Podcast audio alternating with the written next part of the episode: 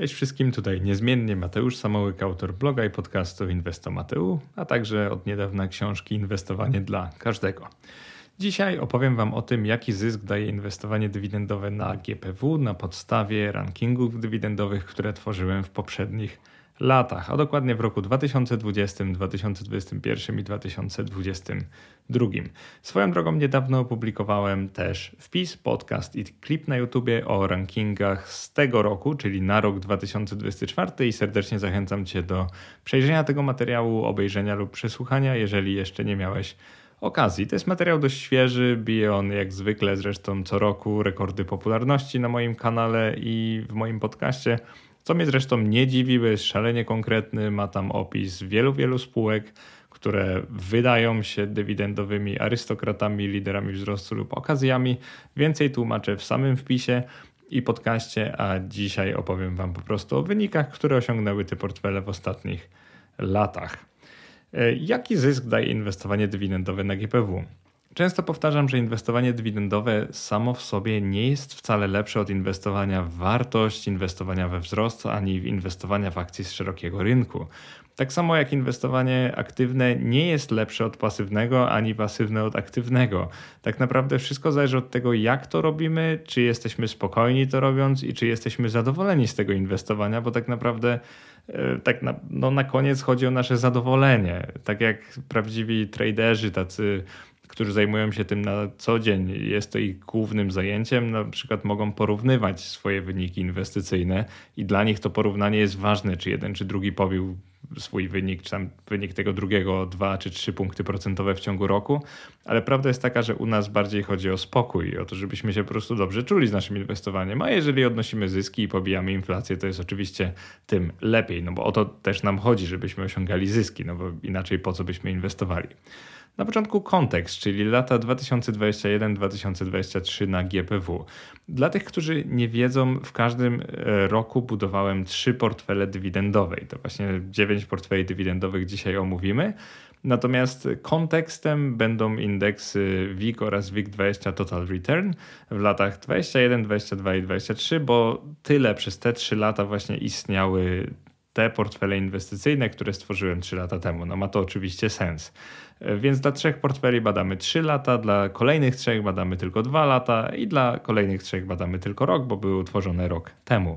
Jeżeli chodzi o indeksy WIG i WIG20 Total Return, to są to indeksy dochodowe, więc uwzględniają reinwestowanie dywidend. No i wygląda to tak, że one przyniosły dobry zwrot, bo plus 40 prawie procent i plus prawie 30% odpowiednio WIG i WIG20 Total Return w ciągu 3 lat.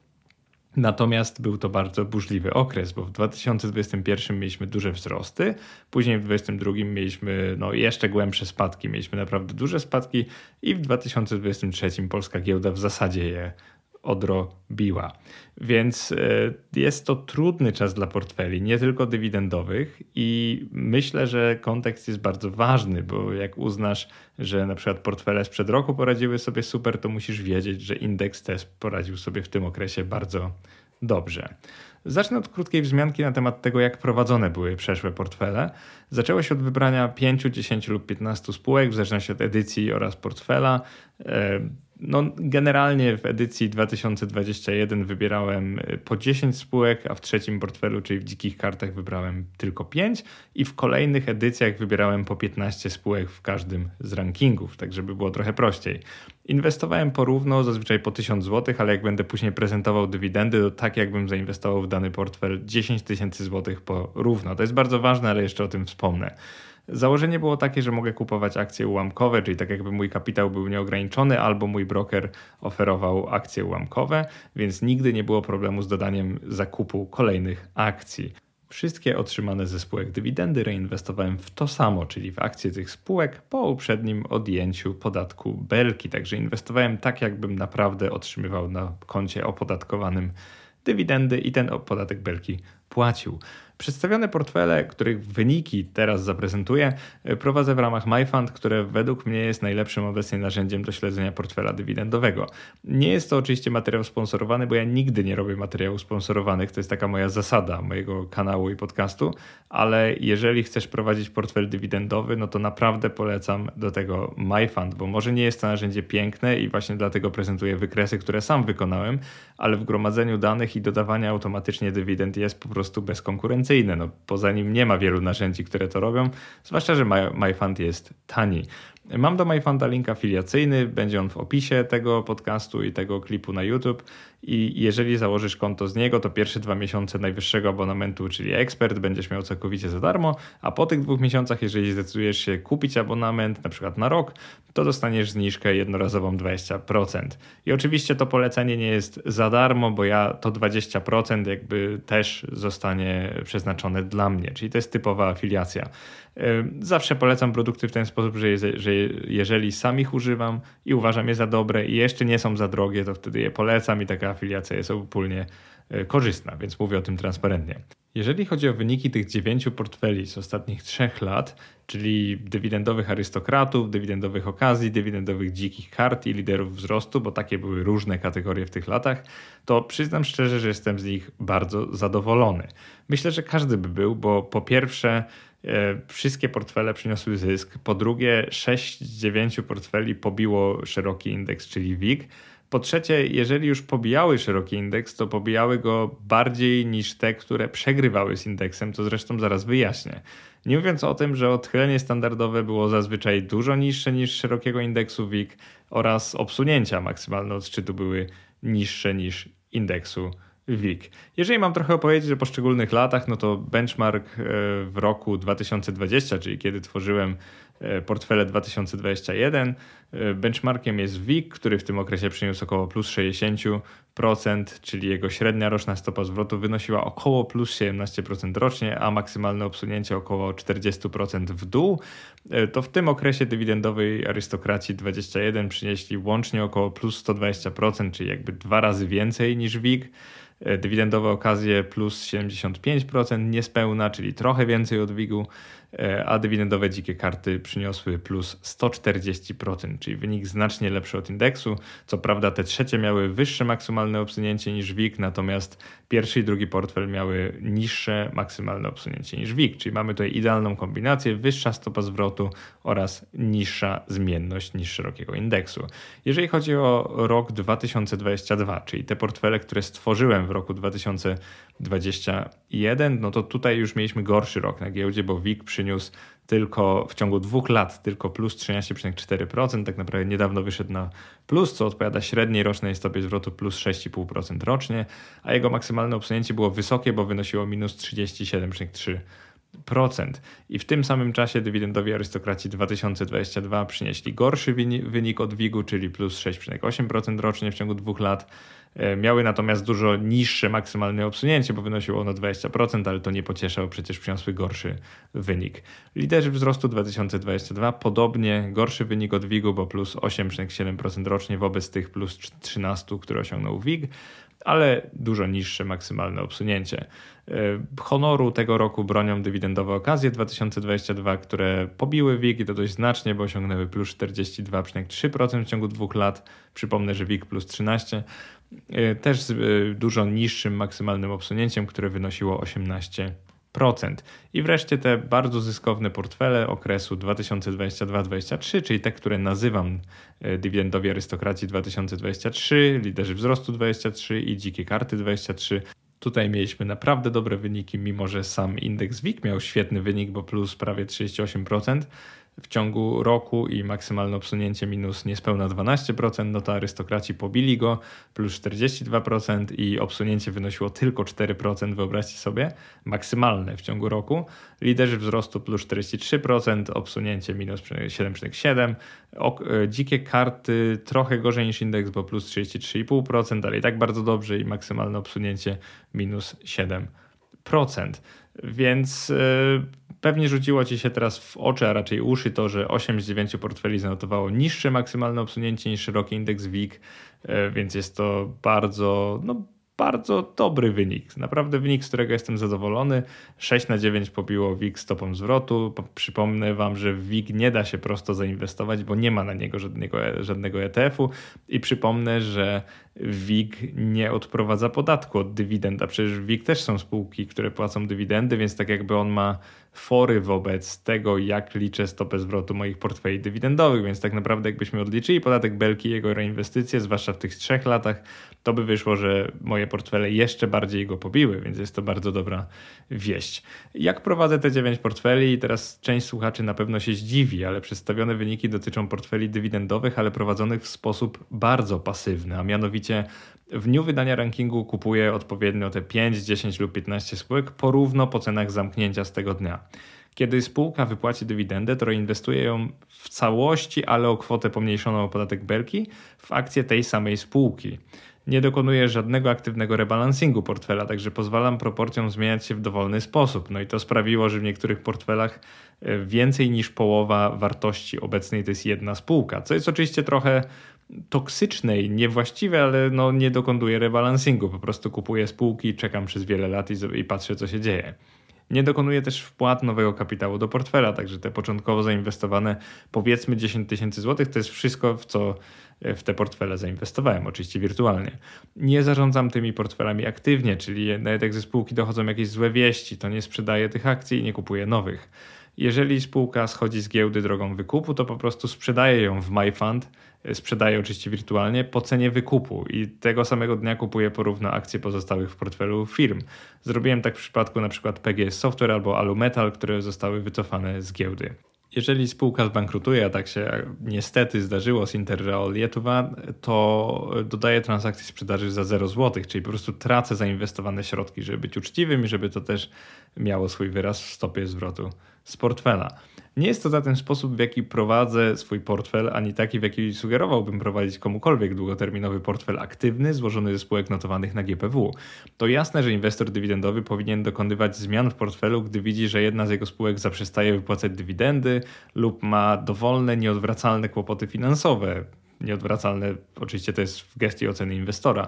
Więc jeżeli nie czujesz się spółką komfortowo, no to nie powinieneś posiadać ich udziałów. Natomiast te portfele tworzone są po części algorytmicznie, więc tak dla zabawy też chcę w taki sposób je prowadzić i po prostu zobaczyć, jak to wyjdzie. Więc jest to założenie, że inwestor jest skrajnie wręcz cierpliwy i po prostu przeczeka wszystko i będzie prowadził dalej taki sam portfel. Rozliczmy teraz portfele na 2021 rok, czyli te, które stworzyłem e, bodajże w październiku 2020 roku, czyli naprawdę bardzo temu. Gdy tworzyłem te pierwsze rankingi dywidendowe na moim blogu, to robiłem to w sposób dość mocno ręczny. Ta selekcja była ręczna w tym sensie, że dane miałem w wielkim Excelu i sobie po kolei odfiltrowywałem niektóre spółki. Nie wiem, czy to zabrzmiało po polsku, czy nie.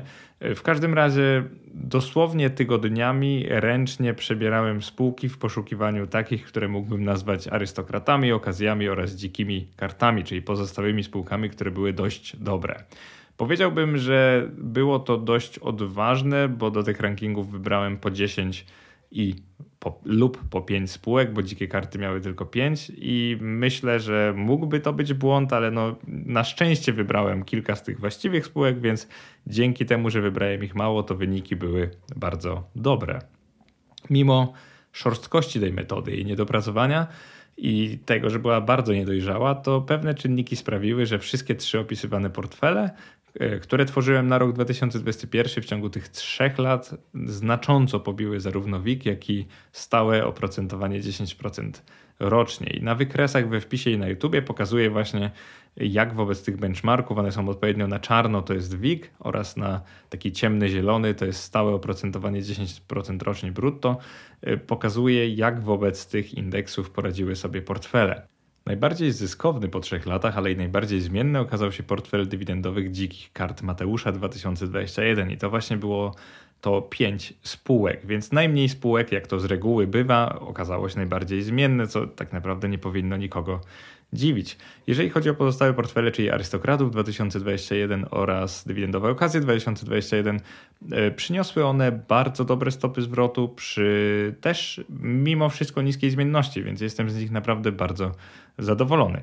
Jeżeli chodzi o dywidendy, to w tej selekcji z roku 2020, czyli na rok 2021, wypadło wszystko naprawdę nieźle, ponieważ w ciągu tych trzech przeszło lat, to jest dokładnie 38 miesięcy, jakbyśmy zainwestowali po 10 tysięcy złotych w dokładnie takie portfele, jakie tu zaprezentowałem, to arystokraci wypłaciliby nam przez te trochę ponad 3 lata 2100 złotych dywidend i to już netto, czyli po podatku belki. Okazje wypłaciłyby nam 3300 złotych dywidend netto, a dzikie karty wypłaciłyby nam nam 3550 dywidend, czyli ponad 35% początkowo zainwestowanej kwoty, już netto, czyli po podatku belki. I jak to w krajach, w których dywidendy są wypłacane tylko raz w roku, zazwyczaj największe zagęszczenie dywidend obserwujemy między czerwcem a wrześniem każdego roku. Dla omawianych portfeli wyglądało to w latach 2021-2023 naprawdę bardzo dobrze. To są po prostu takie schodki, które gdzieś w okolicy wakacji, tak czerwca, lipca, y, zwykle skokowo właśnie rosną, a później w ciągu roku już trochę wolniej. W ciągu pierwszych 12 miesięcy istnienia trzech portfeli spółki wypłaciły około tak 600 do 900 zł z tych oryginalnie zainwestowanych 10 tysięcy, co oznacza, że w pierwszym roku stopa dywidendy wyniosła między 6 a 9% netto, czyli już po uwzględnieniu 19% podatku belki. Portfele stworzone przeze mnie pod koniec 2020 roku to prawdziwe dywidendowe dojne krowy w takim pozytywnym znaczeniu, gdyż 8, 2, tak między 8 a 12% dywidendy brutto ze zbiorów 5 do 10 spółek to coś naprawdę rzadko spotykanego. W kolejnych latach było tylko lepiej dla tych portfeli, o czym świadczy to, że po 38 miesiącach mieliśmy nawet ponad 3000 zł dywidendy z 10 tysięcy złotych inwestycji, co jest prawdziwą rzadkością. Omówmy teraz każdy portfel z osobna. Postaram się krótko. Jeżeli chodzi o dywidendowych arystokratów 2021, to przypomnę, że jeżeli inwestujemy w 10 spółek, no to będziemy mieli portfel bardziej zmienny niż kolega, który zainwestował w ETF, który gromadzi na przykład 500 lub 1000 spółek. Pamiętaj, że niewielka liczba spółek w portfelu to jednak nie tylko ryzyko, no bo z drugiej strony, jeżeli jakaś z tych spółek przyniesie gigantyczny wzrost, to nasz portfel też przyniesie dużo lepszy wzrost od indeksu. Przynajmniej możemy się tego spodziewać. Jeżeli chodzi o pierwszy portfel, czyli Arystokratów 2021, to w chwili wydawania rankingu były to spółki dość drogie, cena do zysku wynosiła około 17, a przeciętna stopa dywidendy była niska, bo wynosiła około 3,5%. Co tutaj może dziwić, to to, jak wysoki wzrost przyniosła jedna ze spółek, czyli i firma, bo w ciągu tych trzech lat łącznie z dywidendami przyniosła ponad 440% zwrotu, czyli naprawdę to jest gigantyczna stopa zwrotu. I tak naprawdę, gdyby nie jej firma, to cały ten portfel nie uzyskałby tak dobrego wyniku, bo przypomnę, że zyskał on plus 120% wobec plus 60%, które uzyskał WIG. I na koniec taka ciekawostka dla fanów zasady Pareto. Połowa dywidend wypłaconych przez spółki z tego portfela pochodziła ze spółek CES i firma. I to jest dość niesamowite, bo no, wydaje nam się, że kupujemy 10 spółek dywidendowych, to one będą jakoś miarowo wypłacały te dywidendy. W tym przypadku swoją drogą pozostało 9, bo już jednej nie ma w tym portfelu. Natomiast chodzi o PGS Software, które zeszło z giełdy i wtedy sprzedałem jakby za cenę zejścia z giełdy te akcje i kupiłem wszystkie inne porówno. Ale taka dygresja. Natomiast to, co chciałem powiedzieć, ta zasada Pareto jest wręcz trochę przerażająca w inwestowaniu dywidendowym, bo zauważcie, że gdybyście akurat nie trafili w te kilka spółek, to by się okazało, że dywidendy z waszego portfela byłyby o połowę niższe, mimo że byście zainwestowali bardzo podobne pieniądze w te spółki. E, I druga ciekawostka jest taka, że ten portfel pobił indeks w znaczący sposób i mimo to jego maksymalne obsunięcie wynosiło w ciągu tych ponad 3 lat tylko minus 24%, podczas gdy WIG sięgał nawet minus 39% od szczytu, tak około.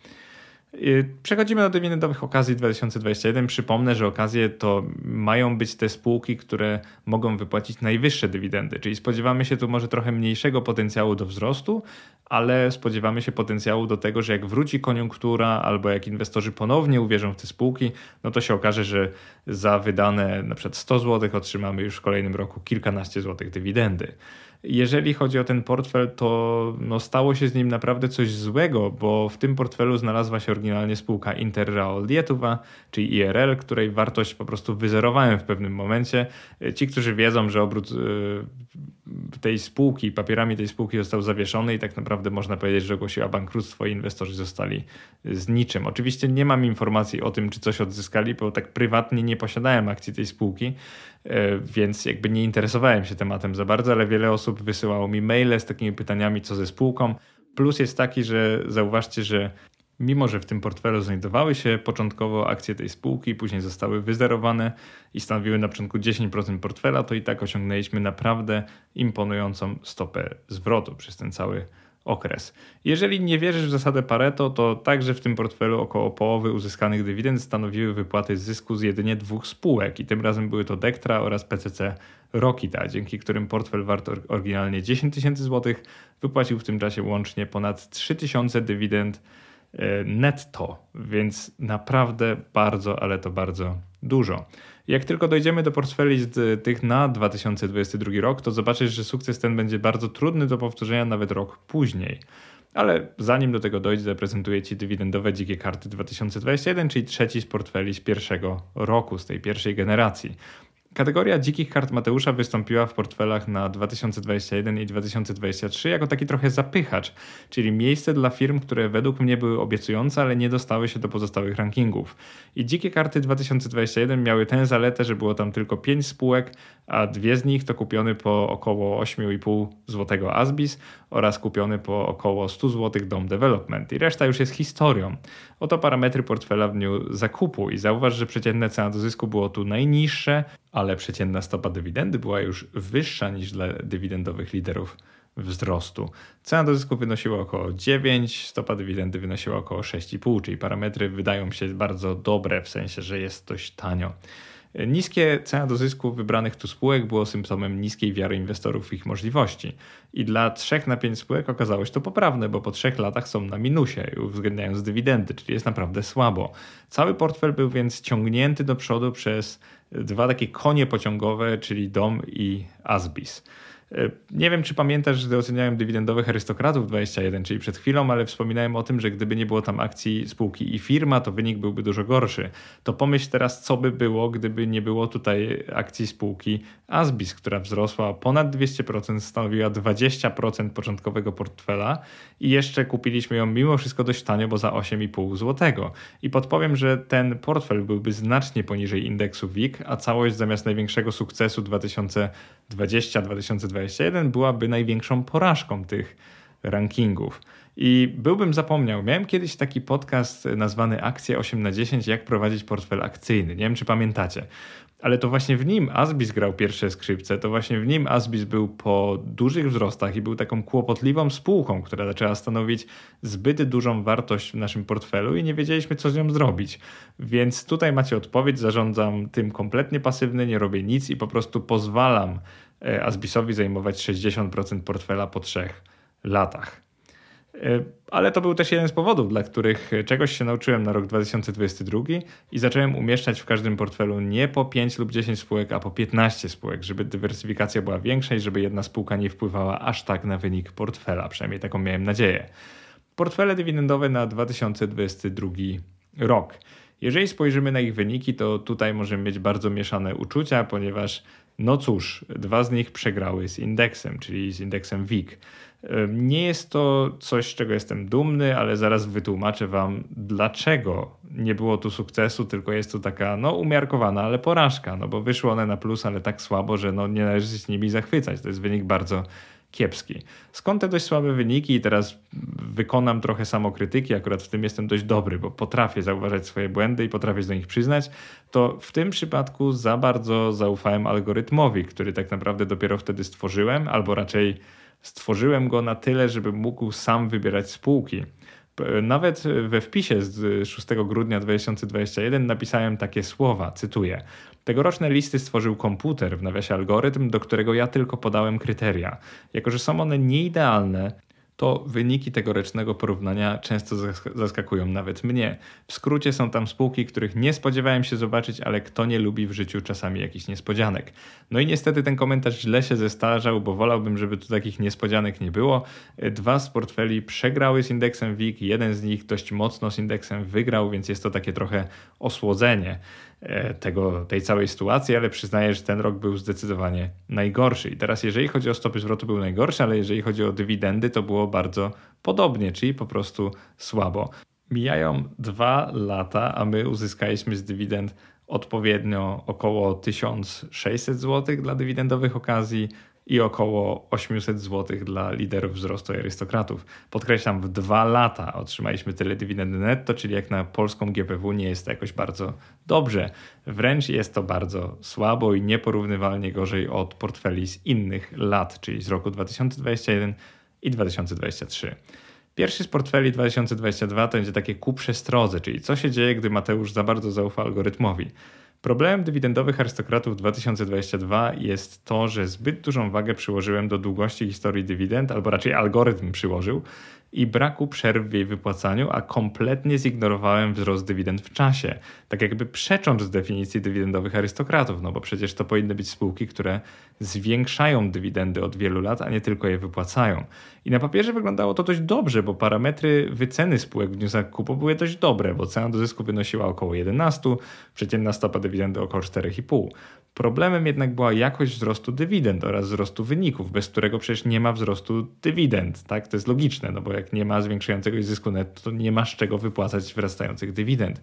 I w rankingach 2022 praktycznie to zignorowałem. I teraz jak się skończyło?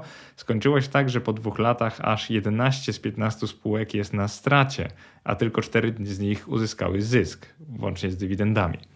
Co jest też ciekawe, bo mimo tych, e, tej przewagi spółek stratnych, to i tak portfel jest na delikatnym plusie, bo te, które zyskały, no tak jakby ciągną go i pozwalają osiągnąć pozytywny wynik. Natomiast e, no, nie uważam, że to są dywidendowi arystokraci, jak na to teraz patrzę, ponieważ no cóż, algorytm po prostu przecenił e, politykę dywidendową i nie docenił wzrastających dywidend. I to jest naprawdę problem, bo tak nie powinni wyglądać arystokraci.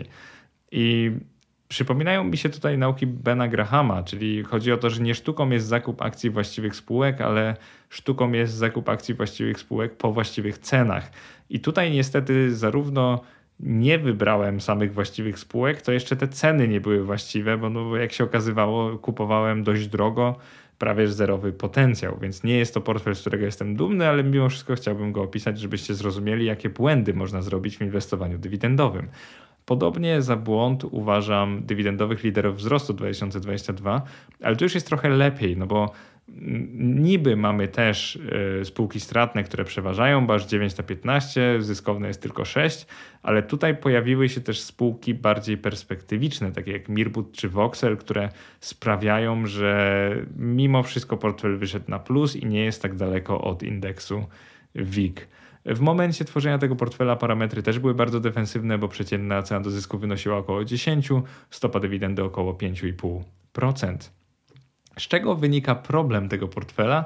Przede wszystkim z bardzo wysokich cen zakupu, które były rozgrzane rokiem nadziei na odrodzenie się firm po trwającej jeszcze pandemii COVID-19.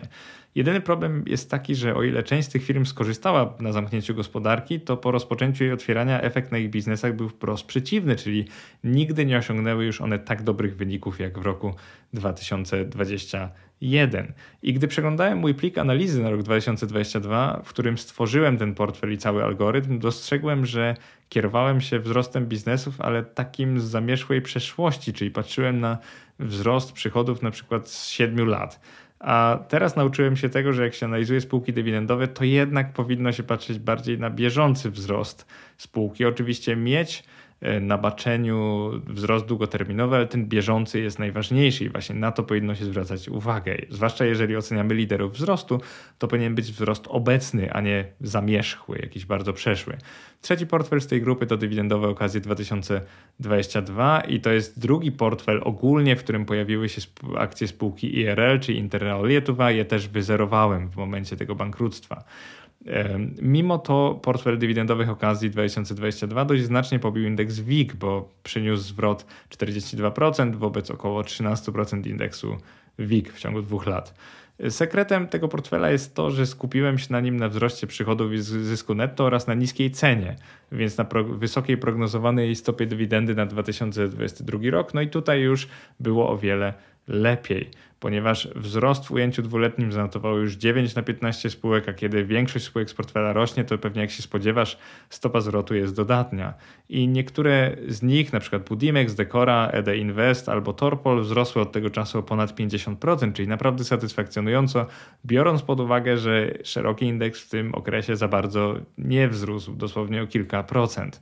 Obserwując dane w tabeli, jeżeli oglądasz to na YouTube albo przeglądasz wpis, słuchając mojego podcastu na przykład na Spotify, być może zwrócisz uwagę na kolumnę dywidendy jako procent ceny zakupu, którą znów zademonstruje jako zasadę Pareto. Otóż 3 z 15 spółek przyniosły tu około 50% łącznych wypłat dywidend w ciągu dwóch lat. Chodzi tutaj o firmy ED Invest, Eurotel oraz Dektra, z których popłynęło do inwestora większość dywidend uzyskanych w tym czasie e, przez portfel. Choć nie wszystkie spółki w tym portfelu były kupowane bardzo tanio, to uważam, że mimo wszystko było warto je kupić w tamtych cenach, bo jak pokazuje historia, była to jednak lekka przecena dla dobrych i perspektywicznych spółek. I autor rankingów, czyli ja, wyciągnął po tym roku wnioski, co zresztą teraz przedstawię, prezentując Ci rozliczenie portfeli dywidendowych na 2023 rok, czyli tych, które opublikowałem rok temu, czyli 12 grudnia 2022, tak żeby być precyzyjnym. E, nauczyłem się tego, że nie należy ufać algorytmowi w 100%. I co zrobiłem, to to, że przesiałem spółki przez algorytm, następnie ręcznie je oceniłem. Także moja ocena była już całkowicie ręczna, czyli taka jak w roku 2021, e, a raczej na rok 2021, czyli wtedy też, kiedy te portfele osiągnęły dobre wyniki. I okazało się, że miałem rację i że trzeba to przepuścić przez oczy żywego człowieka, bo inaczej po prostu algorytm no, nie umie dostrzec pewnych wad, które niektóre spółki, a raczej ich wyniki prezentują. Analiza wykonana przed 2023 rokiem naprawdę nie daje mi powodów do wstydu, bo wyniki każdego z trzech portfeli są naprawdę niezłe i szczególnie rzuca się w oczy niska zmienność cen portfela dywidendowych arystokratów 2023, z której przy tak dobrych wynikach każdy analityk byłby naprawdę dumny. No i pamiętajmy, że oceniam okres 12 miesięcy, a w świecie akcji to jest bardzo krótki horyzont, więc może nie powinienem tego robić, ale mimo wszystko chciałem pokazać Wam wyniki, żeby pozostać transparentnym, czyli żebyście wiedzieli, jak zadziałały spółki z poprzedniego rankingu dywidendowego. Więc dwa z nich pobiły benchmark w postaci WIG-u o kilka punktów procentowych. Jeden, a dokładnie dzikie karty 2023 przegrał z indeksem, ale też dość nieznacznie. I plus jest taki, że dwa z trzech portfeli miały niższą zmienność i obsunięcie standardowe niż indeks WIG, co jest naprawdę fenomenalnym rezultatem, jak weźmiemy pod uwagę to też, że miały wyższą stopę zwrotu od tego indeksu.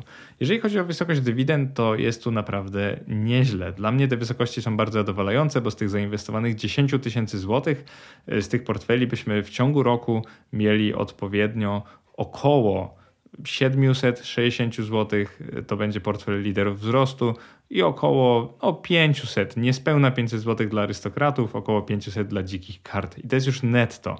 Czyli to oznaczałoby, że brutto uzyskaliśmy między tak 7 a nawet ponad 9% y, stopy dywidendy w ciągu roku. Jest to naprawdę niezły wynik, biorąc pod uwagę fakt, że w każdym z portfeli znalazło się po 15 spółek, czyli na tyle sporo, że mogliśmy po prostu nie trafić w te o najwyższych stopach dywidendy, więc stopa dywidendy jest tu mocno uśredniona oraz w pewnym sensie spłaszczona przez to, że mamy mini indeks i relatywnie dużą dywersyfikację portfeli. Przyjrzyjmy się teraz arystokratom na rok 2023.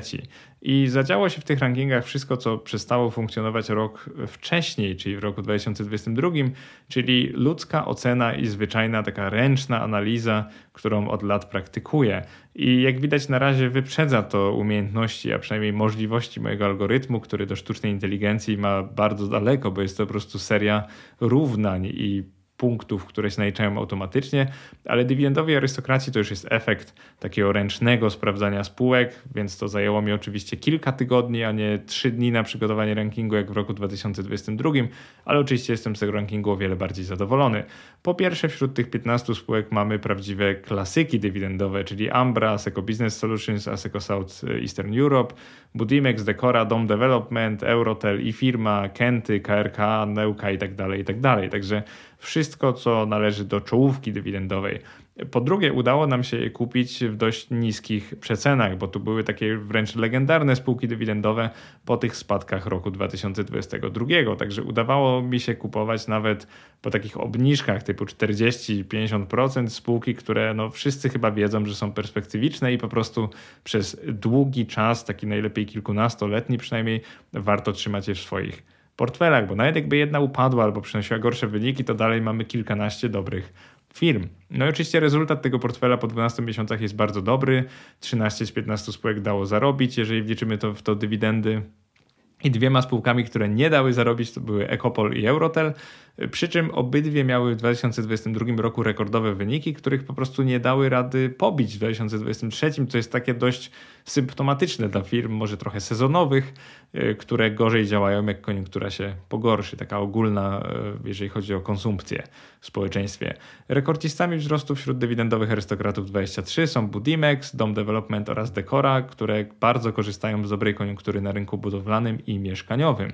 Jeżeli lubisz zasadę Pareto i chcesz, żebym o niej mówił więcej, to tutaj nie znajduje swojego zastosowania, bo trzy najlepsze pod kątem wysokości dywidend spółki, czyli ETL, DOM i Kenty, odpowiadały za raptem 40% łącznej kwoty wypłaconych w ciągu 12 miesięcy dywidend. A co do zmienności, no to sam oceń, ale jest to naprawdę fenomenalnie, bo portfel nie spadał o więcej niż 4,2% w ciągu całego roku. Jak na takie niespokojne i trochę szalone czasy, to jest to naprawdę imponujący wynik, jeżeli chodzi o obsunięcie maksymalne.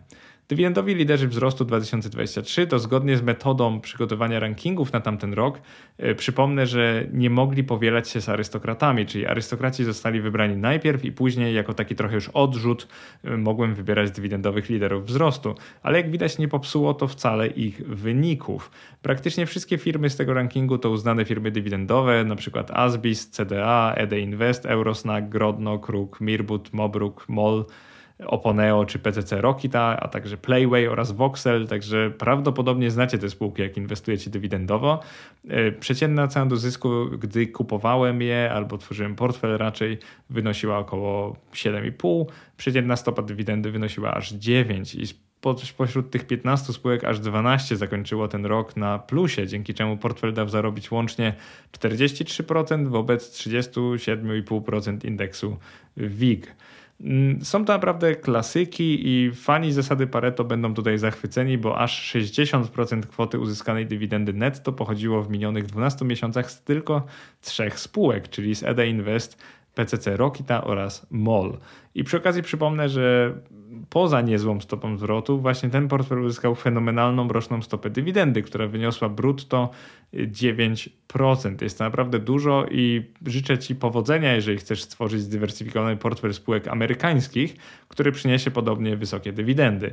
No i podpowiem, że pewnie jest to możliwe w jakiś sposób, ale jak wybierzesz dosłownie kilka spółek i jeszcze takich niezbyt perspektywicznych. I czas na trzeci portfel, który jest taką trochę czarną owcą e, portfeli dywidendowych 2023. Mimo, że osiągnął bardzo dobry wynik, to mimo wszystko jest on gorszy od WIG, ponieważ WIG osiągnął 37,5%, a mój portfel skromne 33,5%. I mówię to trochę przekornie, bo wiadomo, że to jest bardzo dobry wynik i tak naprawdę nikt by nie był niezadowolony z niego, ale jednak jest on gorszy od benchmarku, o czym należy poinformować słuchacza, żeby zachować po prostu szczerość i transparentność. E, przeciętna cena do zysku z tych spółek to było 7, gdy kupowałem, przeciętna stopa dywidendy wynosiła 7%. E, w grudniu 2023, czyli kiedy nagrywam i wydaję ten podcast, tych spółek jest już tylko 14, wcześniej było ich 15, ale Alumetal został zdjęty z giełdy, co poskutkowało tym, że w moim MyFund dokonałem transakcji sprzedaży po cenie wykupu, następnie kupując porówno akcje pozostałych 14 firm.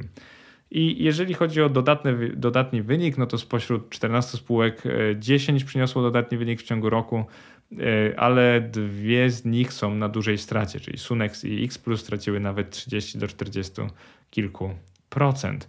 Temu portfelowi pomogły jednak spółki, które wzrosły przez rok bardzo mocno, czyli mała spółka z New Connect, jaką jest 7fit, czy znany deweloper mieszkaniowy i biurowy, jakim jest Atal.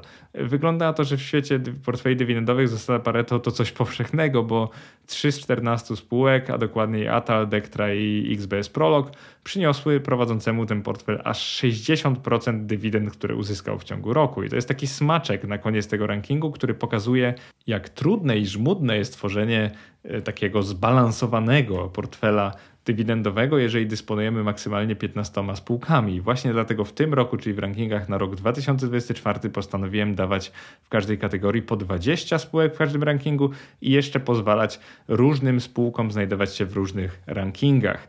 Podsumowując, pamiętaj, żeby nie kopiować moich ruchów. To nie jest rekomendacja inwestycyjna, to jest analiza amatora, a raczej jej wynik. Pamiętaj, że możesz uważać mnie jako eksperta w dziedzinie, skoro słuchasz tego podcastu, ale pamiętaj, że nie jestem ekspertem, bo przecież jestem inżynierem z wykształcenia i na rynkach finansowych jestem tylko amatorem. To dla mnie niezwykle ważne, by słuchacze tego podcastu, widzowie kanału YouTube zawsze samodzielnie podejmowali decyzje inwestycyjne, bo tylko w ten sposób naprawdę nauczą się sztuki inwestowania. Jest to szczególnie ważne w świecie aktywnej selekcji akcji, w której, jak widzisz po wnioskach, które wyciągnąłem, bardzo prosto o błędy, a tych błędów naprawdę było mnóstwo w tych portfelach.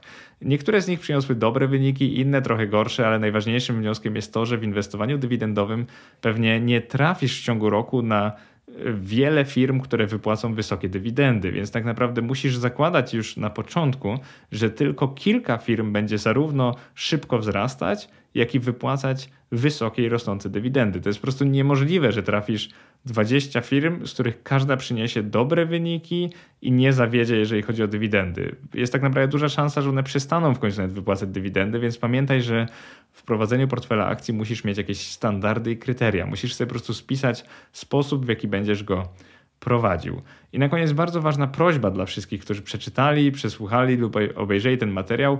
Dajcie znać, czy podobne podsumowania, takie rozliczenia portfeli dywidendowych powinienem robić co roku, bo to jest tak naprawdę pierwszy raz.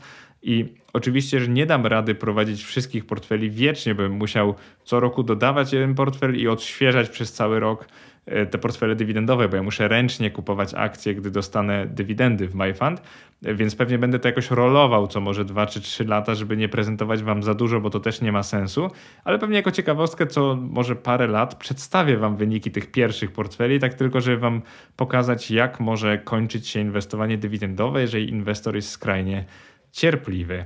I na sam koniec wielka prośba, pamiętajcie, że jeżeli chcecie mnie wesprzeć, jeżeli podobają Wam się materiały, pomagam Wam w inwestowaniu, uczę Was inwestowania i ogólnie robię dobrą robotę, to polecajcie mojego bloga i podcast, możecie go udostępnić, możecie dać mu ocenę na Apple Podcast albo na Spotify'u, bo da się oceniać. Na YouTube oczywiście możecie mnie subskrybować, możecie e, dodać, kliknąć ten tak zwany dzwoneczek, żeby otrzymać powiadomienia z mojego kanału i po prostu podawać dalej mój kanał swoim znajomym, bo inaczej po prostu nie mam szans na dalszy wzrost. No i na koniec pamiętajcie, że e, trwa sprzedaż mojej książki. Jeżeli kupicie ją dzisiaj, czyli w poniedziałek albo jutro we wtorek, to prawdopodobnie dojdzie ona do świąt. Można ją kupić w opakowaniu prezentowym, więc jak znalazł na prezent na święta Bożego Narodzenia. Bardzo polecam, jako autor, oczywiście. E, bardzo dziękuję za przesłuchanie i do następnego podcastu. Trzymajcie się, cześć.